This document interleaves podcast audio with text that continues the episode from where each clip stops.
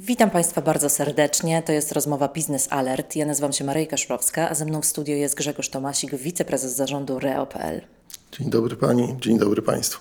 Panie prezesie, e, czy polscy przedsiębiorcy widzą korzyści z korzystania z zielonej energii? E, niewątpliwie widzą, bo, bo to widać w różnych ich działaniach, które są podejmowane, e, ale bardzo patrzą na koszty. I, I to powoduje, że oczywiście te oferty e, zielonej energii, ale takiej prawdziwie zielonej energii, dostarczanej ze źródeł, nie energii kupowanej na giełdzie, kolorowanej, jak to ładnie nazywamy, certyfikatami, gwarancjami pochodzenia, e, mają kłopot z przebiciem się, no bo to porównanie kosztowe, tak jeden do jeden tych ofert, e, no nie działa na ich korzyść chociaż sama energia zielona ze źródeł odnawialnych absolutnie nie jest dzisiaj droższa niż energia czarna. Ale tak naprawdę po co przedsiębiorcom zielona energia w Polsce? No, ja myślę, że są dwa powody. No, pierwszy powinien być taki płynący, może nie ze strony biznesu, ale z takich normalnych ludzkich zachowań, jeżeli widzimy to, co się dzieje dookoła. Mam na myśli zmiany klimatu, no, o których już chyba nie, nie można dyskutować, że ich nie ma, nie mhm. widzimy i, i są nie wiadomo jaką przyczyną. E, I e, wprowadzanie tych wszystkich elementów zrównoważonego rozwoju, od których zaczynamy nawet w domu, tak? segregacja odpadów, wykorzystanie wtórne i tak dalej. Ale druga rzecz jest już bardzo biznesowa. Biznesowa polegająca na tym, że coraz większy nacisk kładziony jest na ten zrównoważony rozwój w biznesie. E, wszyscy znamy na pewno hasło, albo trochę głębiej niż hasło, standardy ESG, o których się od jakiegoś czasu bardzo dużo mówi. E, no to jest już taki, może nie pierwszy krok, ale bardzo mocny krok w kierunku raportowania, rzetelnego raportowania działalności biznesu, tego niefinansowego, tak? czyli wszystkich pozostałych działań związanych z prowadzeniem tego biznesu a które zaczynają rzucować, rzutować na takie elementy jak na przykład dostępność do kredytów. Coraz więcej banków mówi, no jeżeli inwestycja, jeżeli działalność przedsiębiorstwa nie idzie w kierunku, ja nie mówię, że już jest całkowicie mhm. E, przestawiona e, na zrównoważony rozwój, ale nie widać strategii, nie widać elementów wdrażania tej strategii, no to zaczyna być kłopot z finansowaniem. E, kolejna rzecz, największe przedsiębiorstwa e, już od przyszłego roku mają obowiązki raportowania. Do tej pory były to takie, można powiedzieć, działania trochę wolontarystyczne, troszkę filantropijne, trochę to było takie modne, nawet można powiedzieć. Wizerunkowo to dobrze wyglądało. Dokładnie tak, ale najczęściej się na tym kończyło, żeby, mhm. żeby ten wizerunek był fajny. Oczywiście część przedsiębiorców robiła to bardzo rzetelnie, ten wizerunek, niektórzy może trochę mniej, e, ale głównie to było na to nastawione. Od przyszłego roku roku największe przedsiębiorstwa, spółki giełdowe, nawet mniejsze, ale giełdowe, y, muszą raportować to bardzo rzetelnie, bardzo konkretnie. Są wprowadzone standardy na podstawie dyrektywy unijnej. Tych standardów jest więcej. Kilka różnych y, zrzeszeń, stowarzyszeń je wypracowało, ale trzymajmy się tych unijnych, tak, które mhm. nas najbardziej dotyczą. One mówią jasno, co, jak musi być pokazane. I to skutkuje kolejnym elementem, e, który rzutuje w zasadzie powiedziałbym chyba na wszystkie biznesy i na wszystkich przedsiębiorców, bo oni w tym raportowaniu będą musieli również wykazać cały ten swój taki łańcuch dostaw, można powiedzieć, Dokładnie. w rozumieniu kooperantów, partnerów, spółki współpracujące, dostawców usług, towarów no i jeżeli ci nie będą tego wdrażali, bo, bo nie są zobligowani do tego, no to niestety takie przedsiębiorstwa już ten duży będzie musiał to pokazać. To znaczy, że te, te standardy de facto są kaskadowane na mniejsze przedsiębiorstwa, które kooperują z tymi większymi. De facto tak. Zresztą e, jakby harmonogram wdrażania tych standardów ESG e, jest przygotowany również w dyrektywie i są kolejne firmy będą tym obejmowane. W przeciągu 3, 4, 5 lat duża część firm będzie wręcz musiała to raportować. Ale już od przyszłego roku, kiedy ci najwięksi będą musieli to robić, zdecydowanie spora część z nich będzie wymuszała to również na tych mniejszych, y, czyli mówiąc krótko, do swojej, do kooperacji ze sobą, do dostawców będą sięgali tych, którzy to realizują. I to znaczy, że Państwo, e, widząc te zmiany, które zachodzą, zobaczyliście rynek właśnie w tych mniejszych i średnich przedsiębiorstwach. E, tak, e, widzimy niewątpliwie rynek i, i, i dla nas taką niszę rynkową, można powiedzieć, do której chcemy skierować zieloną energię w postaci tych małych i średnich. Mm, powód jest jeszcze jeden.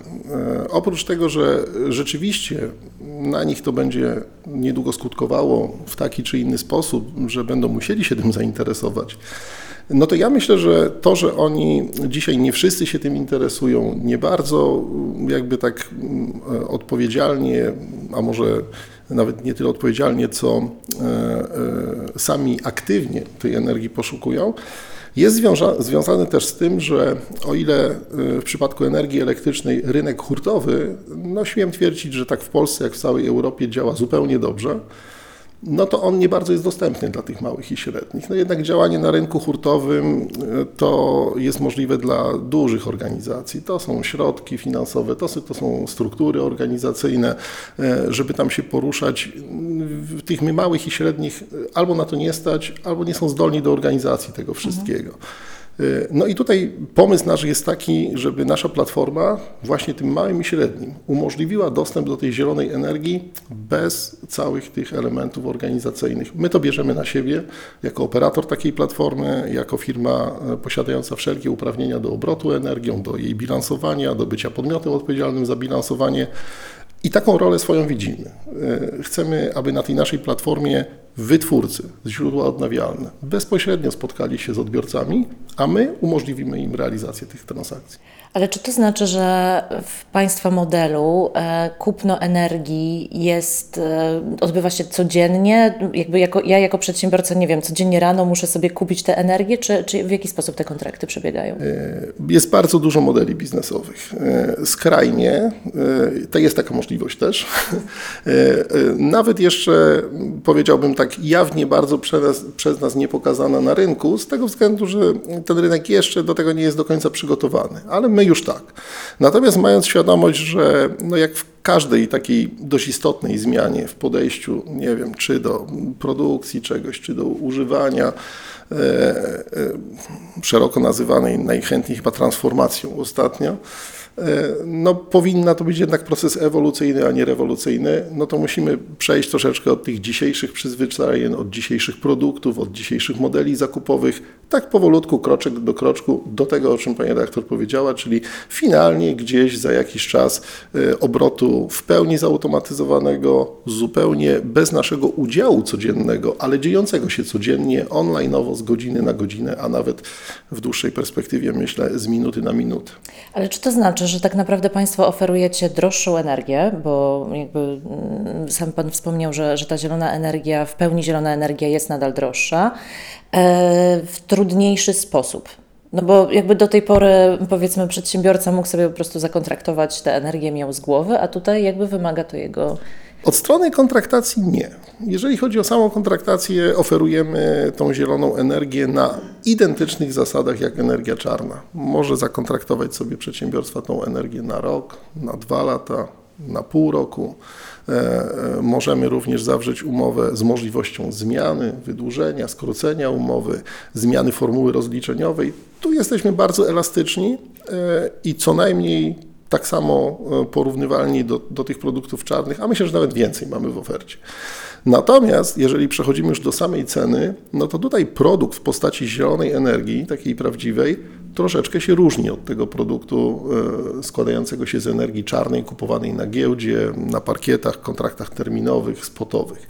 I teraz, jeżeli taki przedsiębiorstwa oczekiwałby, e, że ta zielona energia będzie identycznym produktem kupowanym, bardzo popularny model, tak zwany zakup transzowy na giełdzie, czyli takie hedżowanie sobie części energii w stałej cenie, później dokupowanie mhm. po cenach spotowych, e, to ta energia nie będzie tańsza na pewno.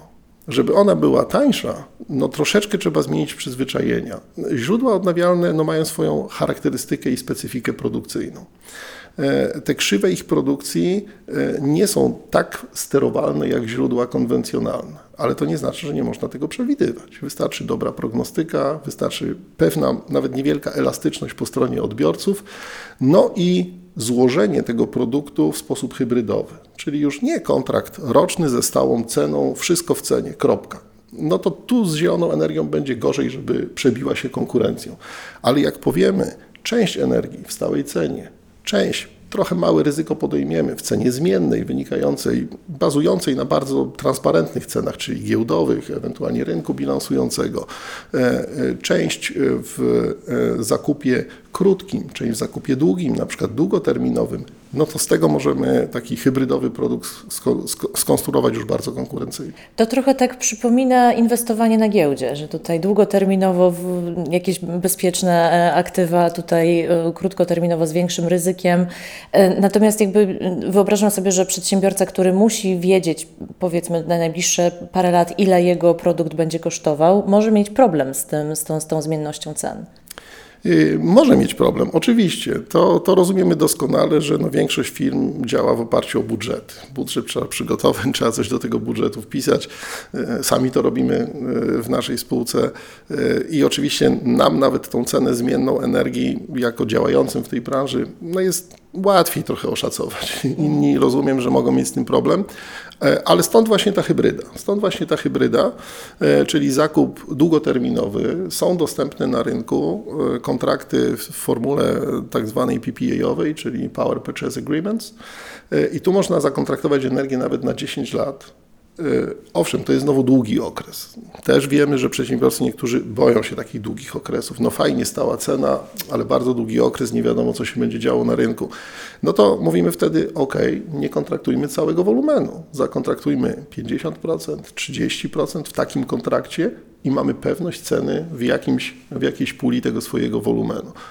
Następnie zawrzyjmy kontrakt krótszy z ceną stałą albo taką quasi-stałą związaną e, z formułą as produced, czyli dostosowaną do tego, jak profil produkcyjny źródła pokrywa naszą konsumpcję i tam jest pewien element bilansowania zmienny i zostawmy sobie 10-20% na e, formułę mm, spotową, czyli zakup taki bieżący po cenach bieżących, co też daje mm, w dłuższej perspektywie z reguły spore korzyści.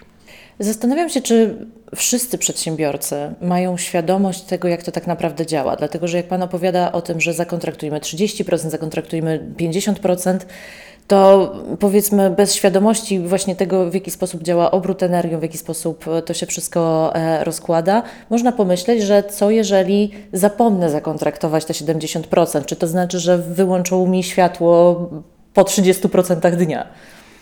Nie, nie. I, i, i, I myślę, że poruszyła Pani redaktor bardzo ważny element y, tych kontaktów z przedsiębiorcami i w ogóle związany z zakupem energii na wolnym rynku.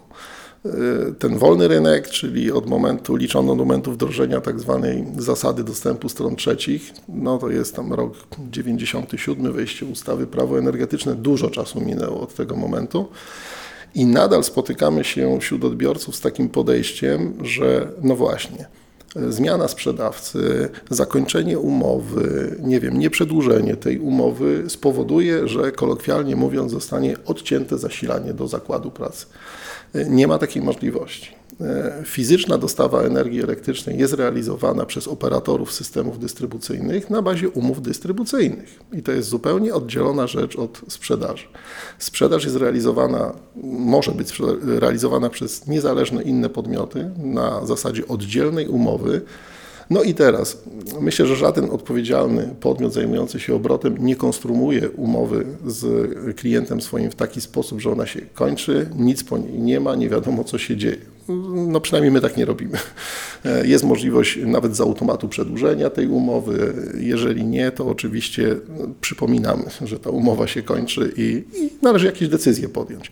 Ale nawet gdyby się tak zdarzyło, że ta umowa rzeczywiście skończyła się, nikt o niczym nie pomyślał, nic się nie stało, klient wpada w tak zwaną sprzedaż rezerwową. Są podmioty, które są zobligowani do świadczenia e, takiej usługi, czyli sprzedaży energii rezerwowej. Jeżeli ktoś z jakichś powodów stracił sprzedawcę, stracił umowę, nie ma jej i absolutnie się to nigdy nie skończy wyłączeniem światła w biurowcu czy, e, czy odcięciem zasilania do zakładu produkcyjnego. Oczywiście ta sprzedaż rezerwowa no, z reguły jest droższa istotnie niż to, co jest, jest w kontraktach, więc należy jej unikać, ale nie ma niebezpieczeństwa pozostania bez energii. E, skoro dotknęliśmy tematu dystrybucji, e, to proszę wyjaśnić, jak to tak naprawdę działa. Kontraktujemy energię e, na, na Państwa platformie i co? I faktycznie ta energia z tego konkretnego wiatraku trafia do mojego gniazdka? Ta konkretna energia z tego konkretnego źródła w postaci elektronów, już tak mówiąc fizycznie, nie trafia.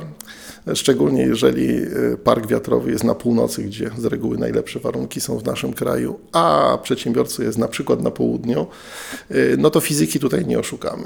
E, Elektrony płyną do najbliższego źródła odbioru tą siecią i tak się będzie zawsze działo.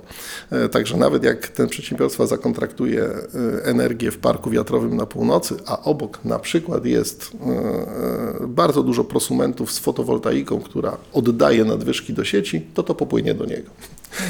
E, Ale to jest fizyka. Natomiast e, kontraktowo e, i rozliczeniowo można powiedzieć, że tak. Rynek skonstruowany w Polsce, jak i w całej Unii Europejskiej jest e, w tak zwanym modelu miedzianej płyty.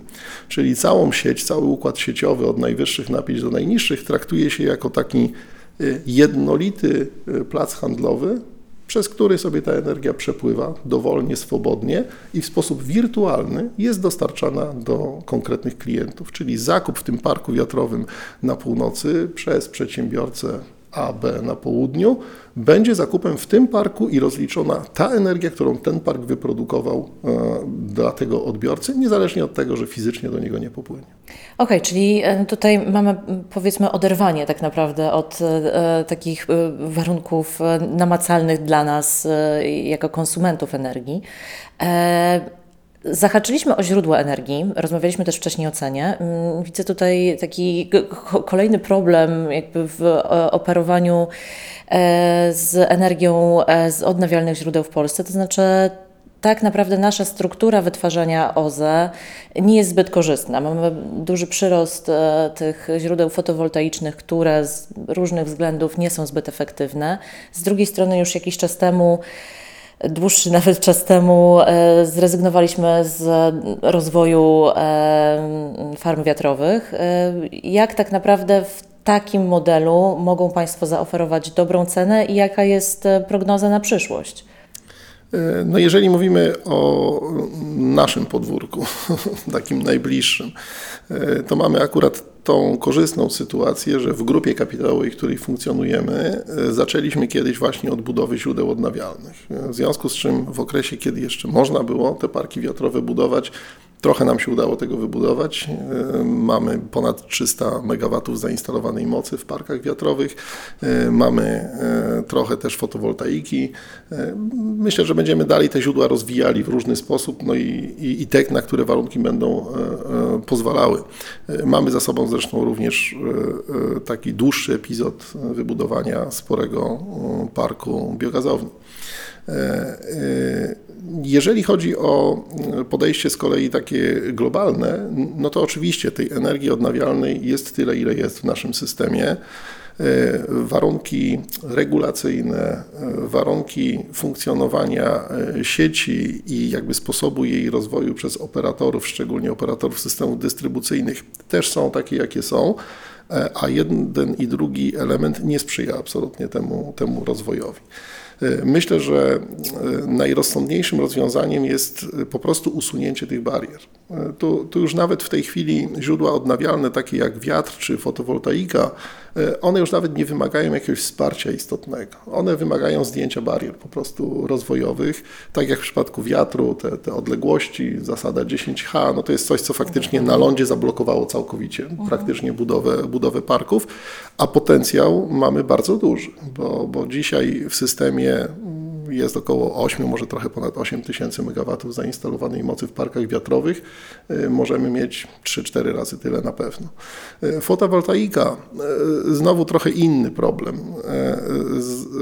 Jej rozwój no, dynamiczny nastąpił, y, trochę spowodowany programami oczywiście, dla prosumentów głównie, y, trochę sytuacją na rynku, wzrostami cen. Y, No, no i też zaczynamy się z tym blokować. Blokujemy się czasami o bardzo proste rzeczy.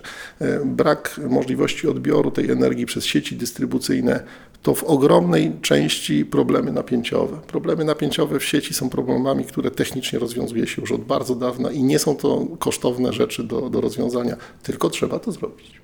No właśnie, i tutaj powstaje pytanie, czy Państwo widzicie przestrzeń na to, bo to już jest decyzja tak naprawdę polityczna, zarówno jeśli chodzi o, o sposób rozwoju e, OZE, jak i sposób rozwoju sieci. Czy Państwo widzicie w ogóle tutaj jakąś możliwość obejścia tego problemu, tudzież rozwiązania go? No, wolelibyśmy rozwiązanie niż obchodzenie, chociaż jako Polacy to chyba specjalistami jesteśmy od obchodzenia różnych rzeczy. E, natomiast e, tak, liczymy mocno na, na, na, rozwiązanie. No już, już nie tak dawno był bardzo bliski konsensus zmiany tej e, ustawy wiatrakowej tak zwanej. Ta, ta odległość 500 metrów, która była tam proponowana, plus jeszcze uwarunkowania związane z MPZ-ami. Mieliśmy jako, jako branża ta odnawialna też trochę zastrzeżeń do tego, ale to już by dużo pomogło. Już by dużo pomogło.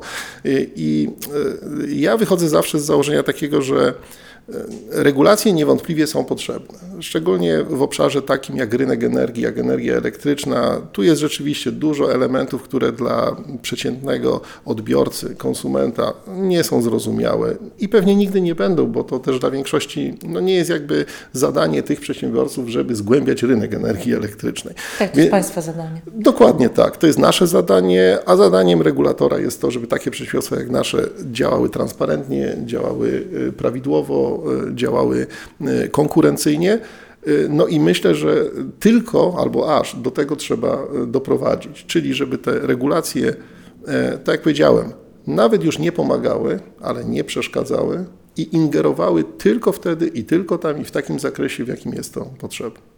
E, wie pan, zadałam to pytanie z tego względu, że mam wrażenie, mm, wracając tak naprawdę trochę do początku naszej, naszej rozmowy, to znaczy do przedsiębiorców, którzy mają różne podejście e, do e, energii odnawialnej. Mam takie wrażenie, że, że właśnie ten klimat, powiedzmy w Polsce, jaki stworzyliśmy względem odnawialnych źródeł, nie bardzo pomaga w takim, takiej zmianie myślenia przedsiębiorców. To znaczy, gdzieś nie, nie, nie stawiamy tej odnawialnej energii na piedestale, a raczej gdzieś albo się o nią kłócimy, albo wręcz, wręcz ją dyskredytujemy.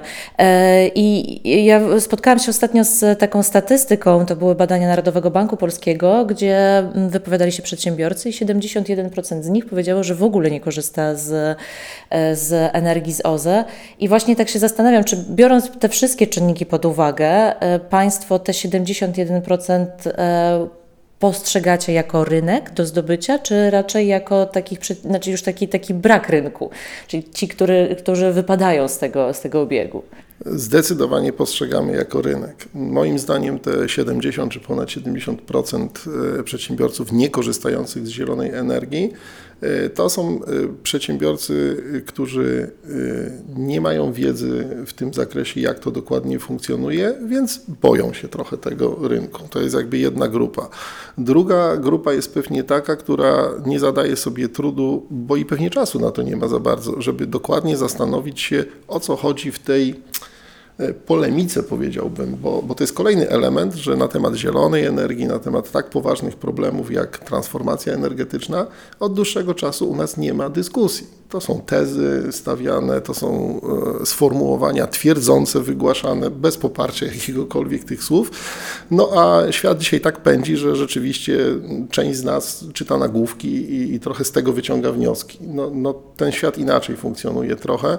Tu jest potrzebna edukacja niewątpliwie i to, co staramy się robić i e, w ramach naszych spotkań z odbiorcami poprzez stronę internetową, poprzez kanały social mediowe, e, to jest właśnie ten element edukacyjny. Ja myślę, myślę, że tutaj dużo, dużo przedsiębiorcy muszą się dowiedzieć jeszcze o tym, jak, to, jak ta energetyka funkcjonuje. I na pewno e, jedną rzecz, którą bym chciał zaznaczyć, która myślę, że pomoże trochę w myśleniu trochę innym albo zastanowieniu się nad tym, jak to rzeczywiście działa, to nie można postrzegać e, energetyki odnawialnej na zasadzie e, budujmy tylko parki wiatrowe. No zaraz będzie, no ale one mają takie i takie wady no to budujmy tylko fotowoltaikę. No ale ona ma też swoje wady. No to jeszcze wymyślimy jakieś źródło kolejne i też będzie miało jakieś wagi. trzeba ten paradygmat w ogóle funkcjonowania systemu elektroenergetycznego zmienić. Jeżeli mieliśmy elektrownie węglowe, można było sobie wyobrazić, że będzie 100% produkcji z węgla i tylko takie źródła będą pracowały. W systemie, który ma być zasilany docelowo, myślę, w 100% z energią zieloną, to musi być hybryda. To musi być hybryda, a więc określona ilość parków wiatrowych, określona fotowoltaiki, trochę biogazowni, trochę elektrowni wodnych, podparcie magazynami energii i inteligentna sieć. O tej inteligentnej sieci operatorzy mówią. Ja już chyba dziesiątki konferencji widziałem, które się odbywają. To na pewno. Tylko nic się z tym nie dzieje. Nie ma żadnej inteligencji w tej sieci. Do dzisiaj e, nie możemy od wielu odbiorców, od operatorów uzyskać pomiarów, nawet z licznika online'owego, bo ten licznik nie jest cyfrowy, bo nie ma transmisji danych zdalnej. No jeżeli takich podstawowych rzeczy nie wykonamy, nie będzie można mówić o rzeczywiście sprawnie działającym i efektywnie systemie opartym o źródła odnawialne. E, Czy Pana zdaniem w Polsce nie brakuje takiej wiedzy mm, badawczej na temat rynku energii, takiej powiedzmy mm, wiedzy, którą, której dostarczają think tanki, bądź też jakieś instytuty trochę niezależne od tej energetyki? Y, Brakuje pewnie y, w sensie jej popularyzacji, bo jest y, mnóstwo ludzi, których ja znam osobiście, jest y, na pewno sporo instytucji, których nie znam, ale i są takie, które znam, gdzie tej wiedzy jest bardzo dużo. Bardzo dużo. I jeżeli po tą wiedzę chce się sięgnąć, można ją dostać, można się bardzo dużo dowiedzieć. E, e, e, Są instytuty czy stowarzyszenia, które organizują nawet bezpłatne webinaria, na które można się zapisać, posłuchać, dowiedzieć pewnych rzeczy. Są inicjatywy takie, powiedziałbym, wręcz prywatne, jak konserwatoria, konwersatoria, przepraszam bardzo. Więc można po to sięgnąć, ale rzeczywiście nie ma takiej popularyzacji globalnej tych tematów na poziomie e, gdzieś tam centralnym, czy nawet troszkę niżej. E, No, nie, nie ma wsparcia dla takich inicjatyw i, i od dłuższego czasu e, absolutnie jakby nikomu nie zależało na tym, żeby ta wiedza jednak była, była rzetelna, była poparta obliczeniami naukowymi, doświadczeniami, praktyką. To, tego rzeczywiście brakuje. Czyli tak naprawdę odnawialnym źródłom energii brakuje popularyzacji wiedzy, która już jest. Zdecydowanie tak. Dziękuję bardzo za tę rozmowę. Dziękuję.